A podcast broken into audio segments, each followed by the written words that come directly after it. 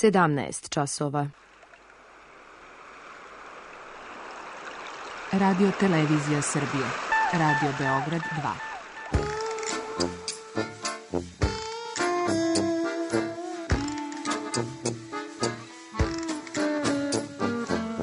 Rekli su mi, gospodine, vi ste promašili temu. Pa ja sam onda promašio život. I ne znam šta će da bude sam. Kaže, ja ne mogu više te čuvam. Šta da ti radi, kaže, snađi se kako znaš. Mi smo kao u kafesu. Za nas to je najmrtvo. To je mrtvo za nas, naročito. I ja bih želela neko da me usvoji. Da bih želela. Govori da bih te video. Program dokumentarnog zvuka.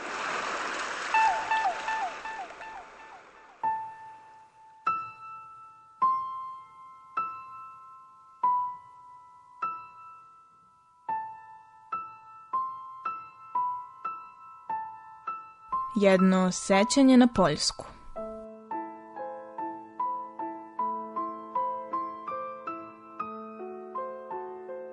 Nekom prilikom su me koleginice pitale koje su mi najdavnija sećanja i možemo li uopšte odrediti datum.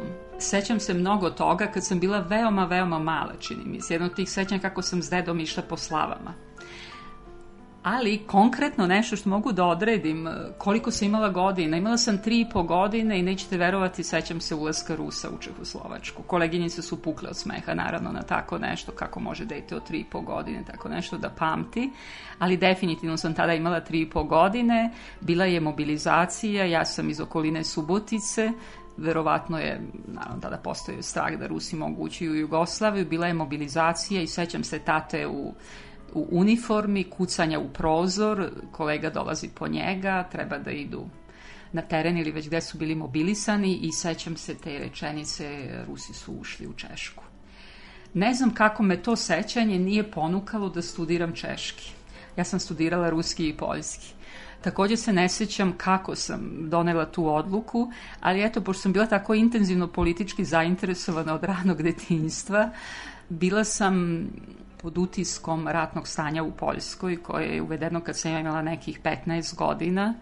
Intenzivno sam pratila te događaje, intenzivno to sve preživljavala i nadala se da će tamo biti bolje. Najstarije seća je naravno pročitana knjiga Kroz pustinju i prašumu od e, Sinkjevića. Ja sam iz jednog malog sela Novi Žednik od Subotice, naravno u biblioteci od prvog osnovne Mi smo čekali u redu pred bibliotekom, ko je prvi došao, svađali se i ne daj Bože da neko vas pretekne. E, imali smo starog Čika Jovu, bibliotekara, to je bila jedna nabijenica, stara kuća koja je mirisala e, po knjigama. Zapravo jedna mala soba je praktično bila biblioteka, počinjela je da radi od tri i mi smo dolazili mnogo ranije odmah posle ručka, stajali u red, onako kao prvačići malo stariji i ne sme niko da vas pretekne. E sada dolazi tri sata, nema čika i ove gde je, šta je on kasni, znate, ili je ovaj možda na ručku se zadržao, onda smo odlazili njegovu, ovaj, njegovoj kući, tražili ga. Možete li to danas zamisliti da deca traže bibliotekara po selu, dosađivali njegovoj ženi koja je bila babica gde je, šta je, nije, nije kod kuće, e onda ovaj, delegacija jedan po jedan po raznim seoskim kafanama da ga privedemo u biblioteku da je otvori, onda ga nađemo u nekoj od kafana gde se on zasedeo sa prijateljima, on dolazi, otvara tu biblioteku, konačno raj Raj za nas, gomila starih požutelih knjiga s onim mirisom hartije karakterističnim i sećam se da sam u tim nekim godinama, ne znam, sedmi razred pročitala knjigu, ja se više ne sećam autora, ali zove se U ime rase o nacističkoj racnoj politici. Mislim, ja sam takve stvari čitala, to potresala se oko E, žrtava po slovenskim zemljama, da to smo više znali dobro i drugačije su Sloveni stradali, pa i onda sa saznajem znači za, za stradanja po Poljskoj za žrtve i tako, mislim, politika me uvek uvek interesovalo i to kad je bilo ratno stanje, to sam vrlo ovaj, emotivno doživela. Čitala sam od uvek štampu, novine su se uzimale u našoj kući, istina večernje novosti, ja sam kasnije počela da čitam politiku, ako smem da priznam. A negde na kraju srednje, ne, trećeg razreda srednje škole, definitivno znam da sam odlučila da studiram slavistiku u Beogradu, ruski ipak. Poljski mi je bio drugi strani jezik, ali me je fascinirao. Znači, bio mi je na neki način azil od ruskog slovenstvo se deli, to Poljaci često podlače na istočno i na zapadno, na pravoslavno i na katoličko. Ili kako oni govori, citiraju pokojnog papu Poljaka, Jana Pavla II, levo i desno plućno krilo. Slavija ortodoksa i Slavija romana i meni je uvek nekako ta ravnoteža trebala jedna, jedna i druga strana. Poljski mi je bio drugi strani jezik, a posle druge godine koliko je trajalo ovaj, eh, njegovo učenje, postojala je mogućnost da se nastavi, ja onda fakultativno upisujem i studije poljskog. E, interesantno diplomirala sam prvo poljski, pa onda to uvek i navodim, posle ruski, imam dve odvojene diplome da se niko ne ljuti.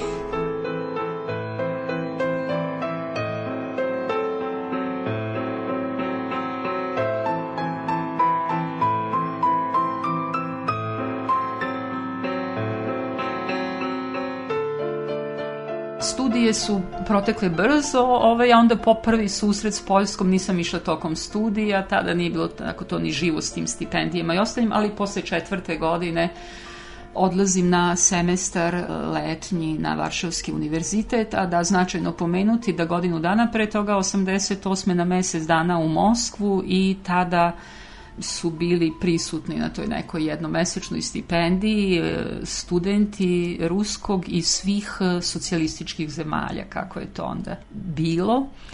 Upoznali smo tada e, grupu studenta iz Poljske, oni su nekako težili ka nama, jer smo bili kao iz Jugoslavije, pa nešto Jugoslavija je bila nešto poluslobodna zemlja i tako za njih. Ove, uvek je mi je to bilo interesantno, družili smo se tih nekih mesec dana, više manje, i e, pominjem ih zato što su to bili divni mladi ljudi i u kontaktu smo ostali i posle godinu dana po mom dolasku u Varšavu ja se ne osjećam u tuđem gradu, u tuđoj zemlji ili da nemam nikoga tamo koga poznajem. Imam vrlo dobre već, već poznanike i oni su nam izlazili u svemu u susret. Mi smo se divno družili to je bio sjajan period, vrlo živ i značajan u poljskoj istoriji. To je bio period pred njihove prve slobodne izbore koji su bili početkom juna 89. godine i sve je kiptelo u iščekivanju. Bio je to veoma krizni period ekonomski u Poljskoj, znači u prodavnicama ničega nije bilo. Kada smo stigli tamo u studentskoj službi smo dobili tačkice za snabdevanje hranom to kao kod nas posle rata, to sam nekada slušala od naših, mogli ste ići s tim u kupovinu pa nešto dobiti, imate zagarantovanu paštetu ili ne znam. E, baš su bile, da, ne, mali kupončići s tačkicom crnom, to se sećam i danas. Prodavnice su bile prazne ili su bile samo neke kosti u njima i konzerve paradajza, toga se sećam. U menzama studentskim isto je bilo vrlo oskudno, na pijacama se moglo svašta nabaviti, bilo je veoma skupo, e sad mi smo imali neku našu tamo stipendiju u Poljskoj, imali smo i novac odavde, malo je Jugoslavija bolje stajala, te nismo mi gladovali jako do toga, ali, ali oni su, teško su veoma živeli, e, evo, sećam se, nije, nije bilo toalet papira, i takvih stvari i ostalog nečega, ali je tako moglo se nešto, nešto od odeće se mogu kupiti ili od nekog nakita, ali je, se tiče života, bilo intenzivno, to se živelo dan i noć, to se razgovaralo noću o sudbinskim pitanjima zemlje, kako Poljaci kažu, duge nocne rodaku rozmovi, duge noćne priče zemljaka koje kod njih traju naravno od 19. veka od kad se pokušavaju e, osloboditi. Intenzivno smo se družili, ja sam imala cimerke, dve Poljakinje, inače nas je odavde otišlo s Beogradskog univerziteta četiri devojke, bila jedna devojka iz Sarajeva, Elvira i bile su dve iz Zagreba. E, mi smo i dalje u kontaktu, ali tu iz Sarajeva smo izgubili ne možemo je pronaći. Intenzivno smo učili i švrljali po gradu, meni je Varšava bila tada otkriće, divno sam se u njoj osjećala, iako, kažem, to je bilo, delovalo je sve mnogo siromašno, ekonomski ugroženo, već kako izgledalo, ali neka energija je bila nevjerojatna koja je meni u tom gradu odgovarala izuzetno. I onda i pored toga svega, a osim toga ta živa aktivnost ljudi, oni su izuzetno i intelektualno radoznali, izuzetno su aktivni, mislim da su više krojači svoje sudbine nego mi. Znači, tamo sam se zaista naučila kako se treba boriti i kako treba raditi i za sebe i za zemlju. A может нам с тобой в Тамашев сбежать хоть на день, мой любимый, там, может, сумерках янтарных цветишь сентябрьской. Bilo je jako mnogo protesta, jako mnogo štrajkova, bilo je sukoba s policijom, ali to je već bilo, videlo se da je da taj režim jenjava i da je na izdisaju i da će se desiti nešto nešto spektakularno. U to vreme kad smo mi bili tamo, bio je i štrajk univerziteta, znači univerzitet je bio zatvoren, evo ja sam našla u tim mojim nekim malim uspomenama i propusnicu na univerzitet se moglo ući samo s propusnicama, pa onda dolazi Lech Valensa, drži govor, pa onda to sve jako dramatično. E, sećam se takođe, mi smo davno intenzivno i kulturno živeli i putovali smo po zemlji, išli na sve moguće koncerte, u pozorišta, sva moguća dešavanja koje su tada bila i nekom prilikom, vrlo blizu je to bilo univerziteta koji je u centru Varšave. Bili smo na nekom koncertu u jednoj protestantskoj crkvi neke klasične muzike, izlazimo odatle i nalećemo na policijske marice svuda. Jasno nam je da se nešto dešava, izlazimo u ulicu Novi Švjat, odakle treba da idemo autobusom do studentskog doma i upadamo u sred vrlo dramatičnih demonstracija i sukoba s policijom. S jedne strane je policija, s druge strane su bili studenti i mase ostalog sveta i sećam se tog utiska od te drame da je drhtao vazduh.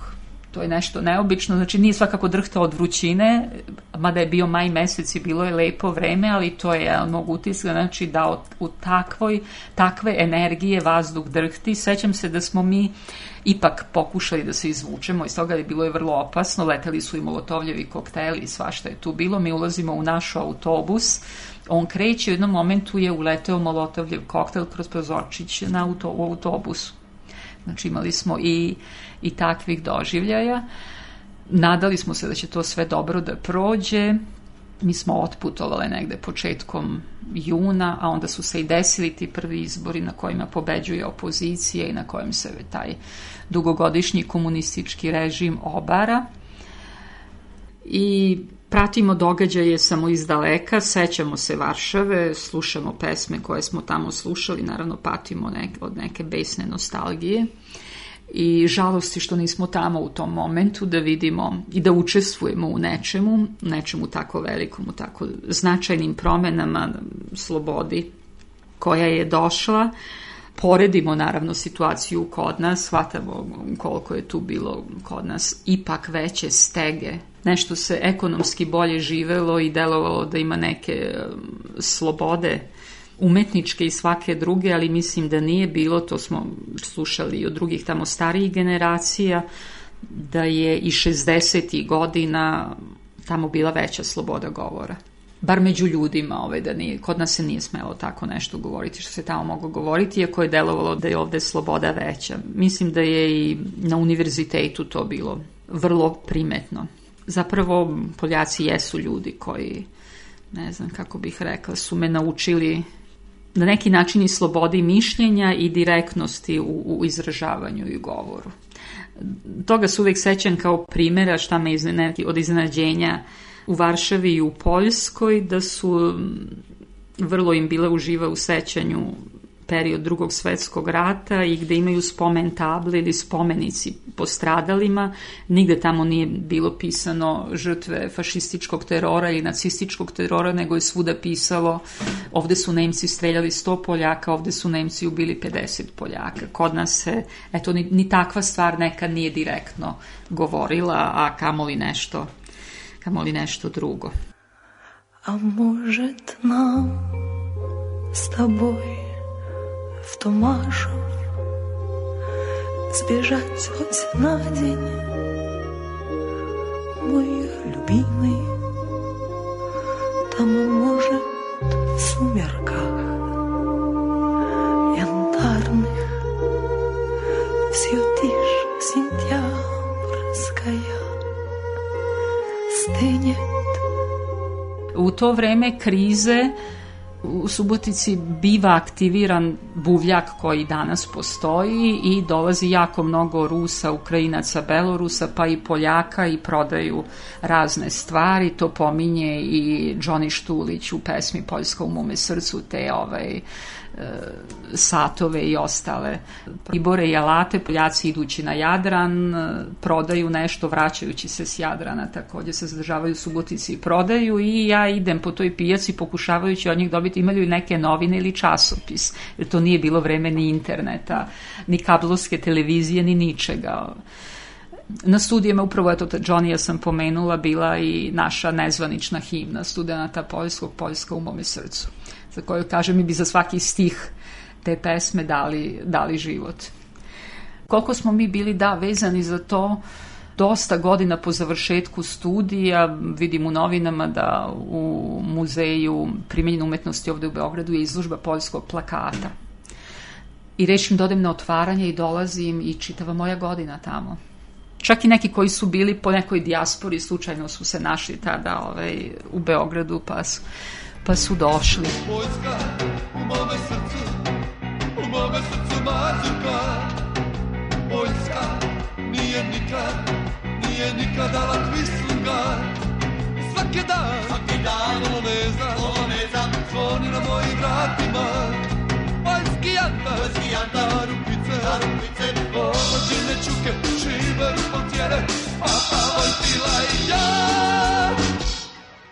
to je bio taj prvi moj period poljski, e, studentsko doba i jedan semestar u Varšavi, a onda se kod nas desilo bombardovanje i jedne beogradske bombardovane večeri.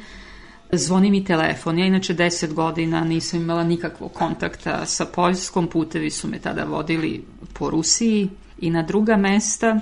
Dižem slušalicu i čujem glas na poljskom i naravno skamenim se praktično a posebno kad sam čula kako su se predstavili, rekli su ovde London, radio BBC, poljska redakcija. Predstavi se ženski glas, Elžbijeta, da li me se sećate, upoznali smo se u Moskvi, naravno ja se setim, družile smo se i u Varšavi i kaže mi da li biste za naš radio rekli nešto kako se sada živi u Beogradu. Ja sam u prvi mah rekla ne, imajući na umu svoje nepoverenje prema novinarima iz mladih dana. Imala sam neko negativno iskustvo i razmišljajući kako to mogu sve da preinače zloupotrebe, izmiksuju ili ostalo. A onda sam se setila da sam tih dana razgovarala sa prijateljicom iz studentskih dana koja je živela u Izraelu i koja je rekla šta je ovo s našim ljudima, kogod dođe neće da kaže ni reč u zaštitu zemlje pomislim tada Svetlana moraš govoriti, da tako izjavim melodramatično sada. I dogovorimo se da se čujemo sledeće večeri. I tih dana, upravo povodom tim kontakata, ja dobijem jednu neverovatnu ponudu, onako najjednostavnije pitaju da li bi došla da budeš lektor srpskog jezika u Varšavi.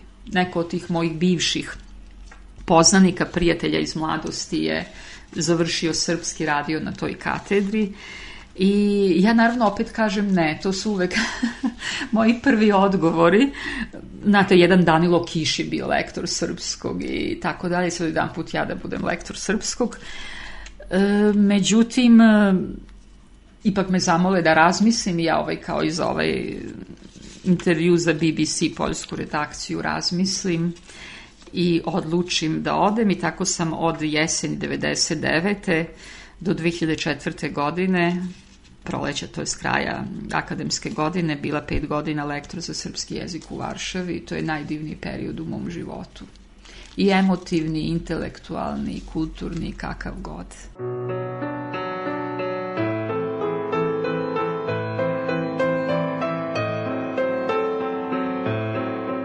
I odlazim u jesen 99. To je vrlo težak period bio u našoj zemlji. Uh, odijum prema njoj je bio svuda i u okruženju i dalje, pa i u Poljskoj.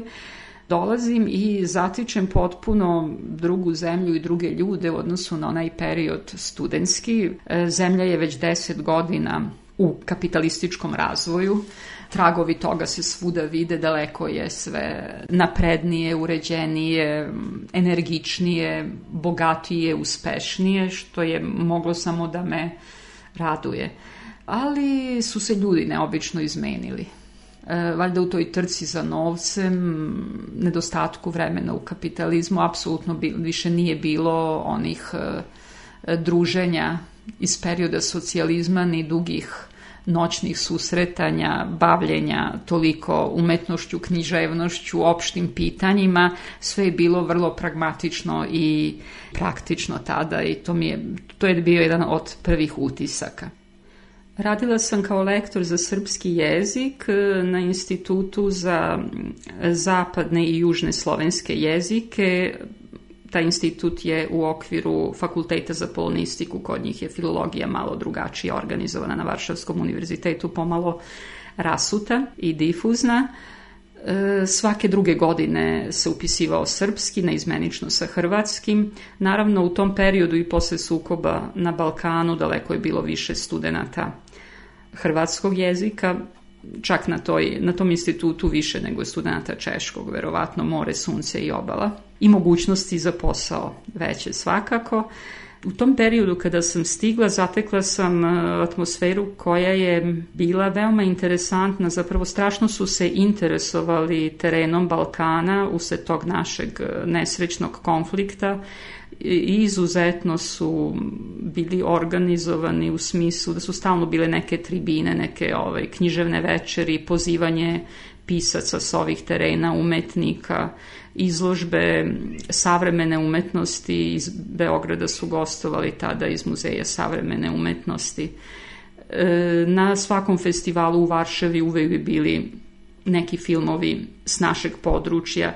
Non stop je e, nešto se dešavalo u vezi s tim, to je bilo veoma neobično. Čak kad sam stigla, zatekla sam kao najveće hitove e, Bregovićeve pesme u izvođenju popularne u to vreme poljske pevačice Kaje. To je bilo 99. a 2001. boom 1 sa CD-om Jugoton, gde su bile prepevane i u novom aranžmanu date mnoge popularne pesme iz 80. godina iz bivše Jugoslavije, pa sama sam taj CD Jugoton je omaži diskografskoj kući Onomad koja je postojala u Zagrebu, a čitave te godine najveći hit u Poljskoj je bila pesma Malčiki, u izvođenju njihovog poznatog rokera Kažika. Njihovi rokeri su inače imali dobar kontakt sa našima iz onog vremena, a jedino što u Malčikama nije junak neki mladi radnik koji na biciklu ide u fabriku, nego je junak jedan japi koji juri za novcem. Płomienne zorze budzą mnie ze snu Giełdowy ranek informacji szum Z radiem na uszach i wartości swej W pełni świadomy, świadomy, że hej Moram da kažem, evo tako malo emotivno, da je prelepo biti lektor srpskog jezika. Ja se i danas bavim uh, srpskim za strance i ne znam da li ima nešto prosto lepše, fantastičnije u kontaktu prenositi svoj jezik, svoju kulturu drugima koji su zato naravno uh, zainteresovani.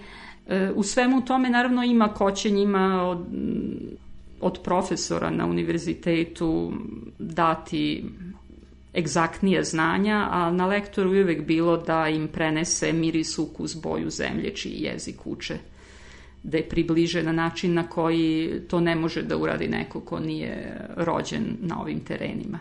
Naravno, tokom tog petogodišnjeg boravka potpuno me je bio obuzeo taj rad na lektoratu. Nek, pomalo sam ga shvatila kako ironično rekla jedna moja prijateljica kao misiju i sebe kao misionara, ali to ne možete tako da ne radite kada ste kada ste tamo. Zaista intenzivno na sve načine sam pokušavala i da obogatim svoj rad i njih na neki način i tu zbirku bibliotečku i da pokušamo da putujemo ovde, da sarađujemo to i sa drugim e, fakultetom, fakultetom arheologije, na primer. Evo imam jednu od uspomena iz tog perioda na prvoj godini kada sam stigla, pošto je to bilo sveže e, NATO bombardovanje Jugoslavije ondašnje, e, dala sam im na vežbama letke koje nam je NATO bacao svoje vremeno, da traže greške u tekstovima na srpskom i mislim kada su to videli, kada su shvatili koliko je to artefakt iz tog vremena, bili su vrlo potreseni, a što se tiče nalaženja grešaka, bili su vrlo uspešni, moram da kažem da su bili, bili su dobri studenti.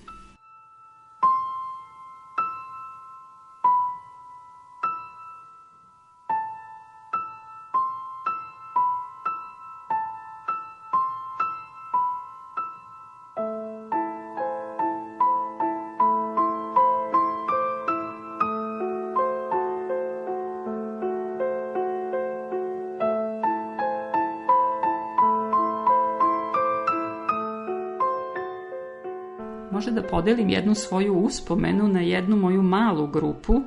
Svaka godina je bila sjajna na svoj način, ali e, bila je jedna grupa studenta češkog kojima je srpski bio B jezik i koju sam zvala grupa mala, ali odabrana. Bilo ih je malo, ali su sjajno radili. Mislim da su oni bukvalno zapamtili sve što bih rekla, napisala, pomenula i na završetku druge godine učenja srpskog e, dobijam jednu čestitku od njih sa zahvalnošću za e, rad sa njima e, i napisali su pesmu pola na poljskom, pola na srpskom jeziku, gde se pomalo vrlo simpatično ovaj provlače njihove greške kojih nisu mogli nekada u srpskom da se oslobode.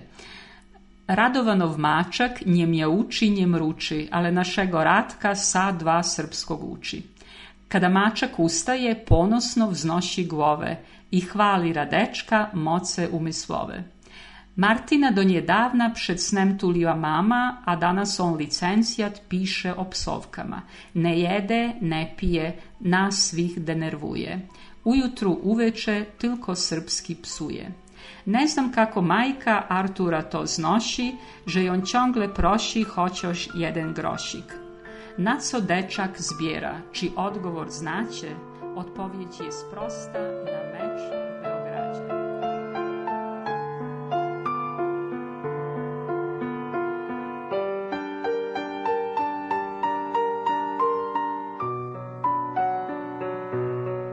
posle pet godina boravka u Varšavi vratila sam se, prosto nisam više produžavala ugovor i želela sam vratiti u Srbiju, nisam ni otišla da ostanem zauvek, mada mnoge kolege zaista ostaju u Poljskoj jer je to zemlja ko, koja pleni, zemlja velike kulture, prosto jedna druga civilizacija na neki način, zemlja velikog intelektualnog potencijala i zemlja od integriteta, zemlja sa stavom ne znam, uvek se osjećam izuzetno bogatom zbog tog svog poljskog perioda, jer je to još bukvalno kao da sam stekla još jedan identitet, još jednu ličnost, još jedan paralelni život.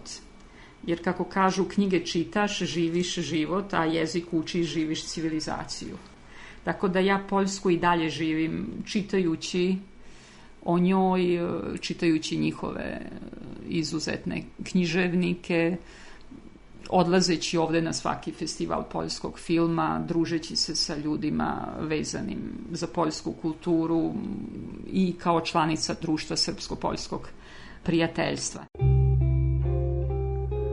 A может нам с тобой в Томашев сбежать хоть на день, мой любимый, там, может, сумерках янтарных Все тише сентябрьская. Стынет в том белом доме В тихой зале Где все стоит. Теперь чужое. O svojim sećanjima govorila je Svetlana Bogojević. Ton majstor Damir Gođevac, autor Milana Radić. Должны закончить мы с тобою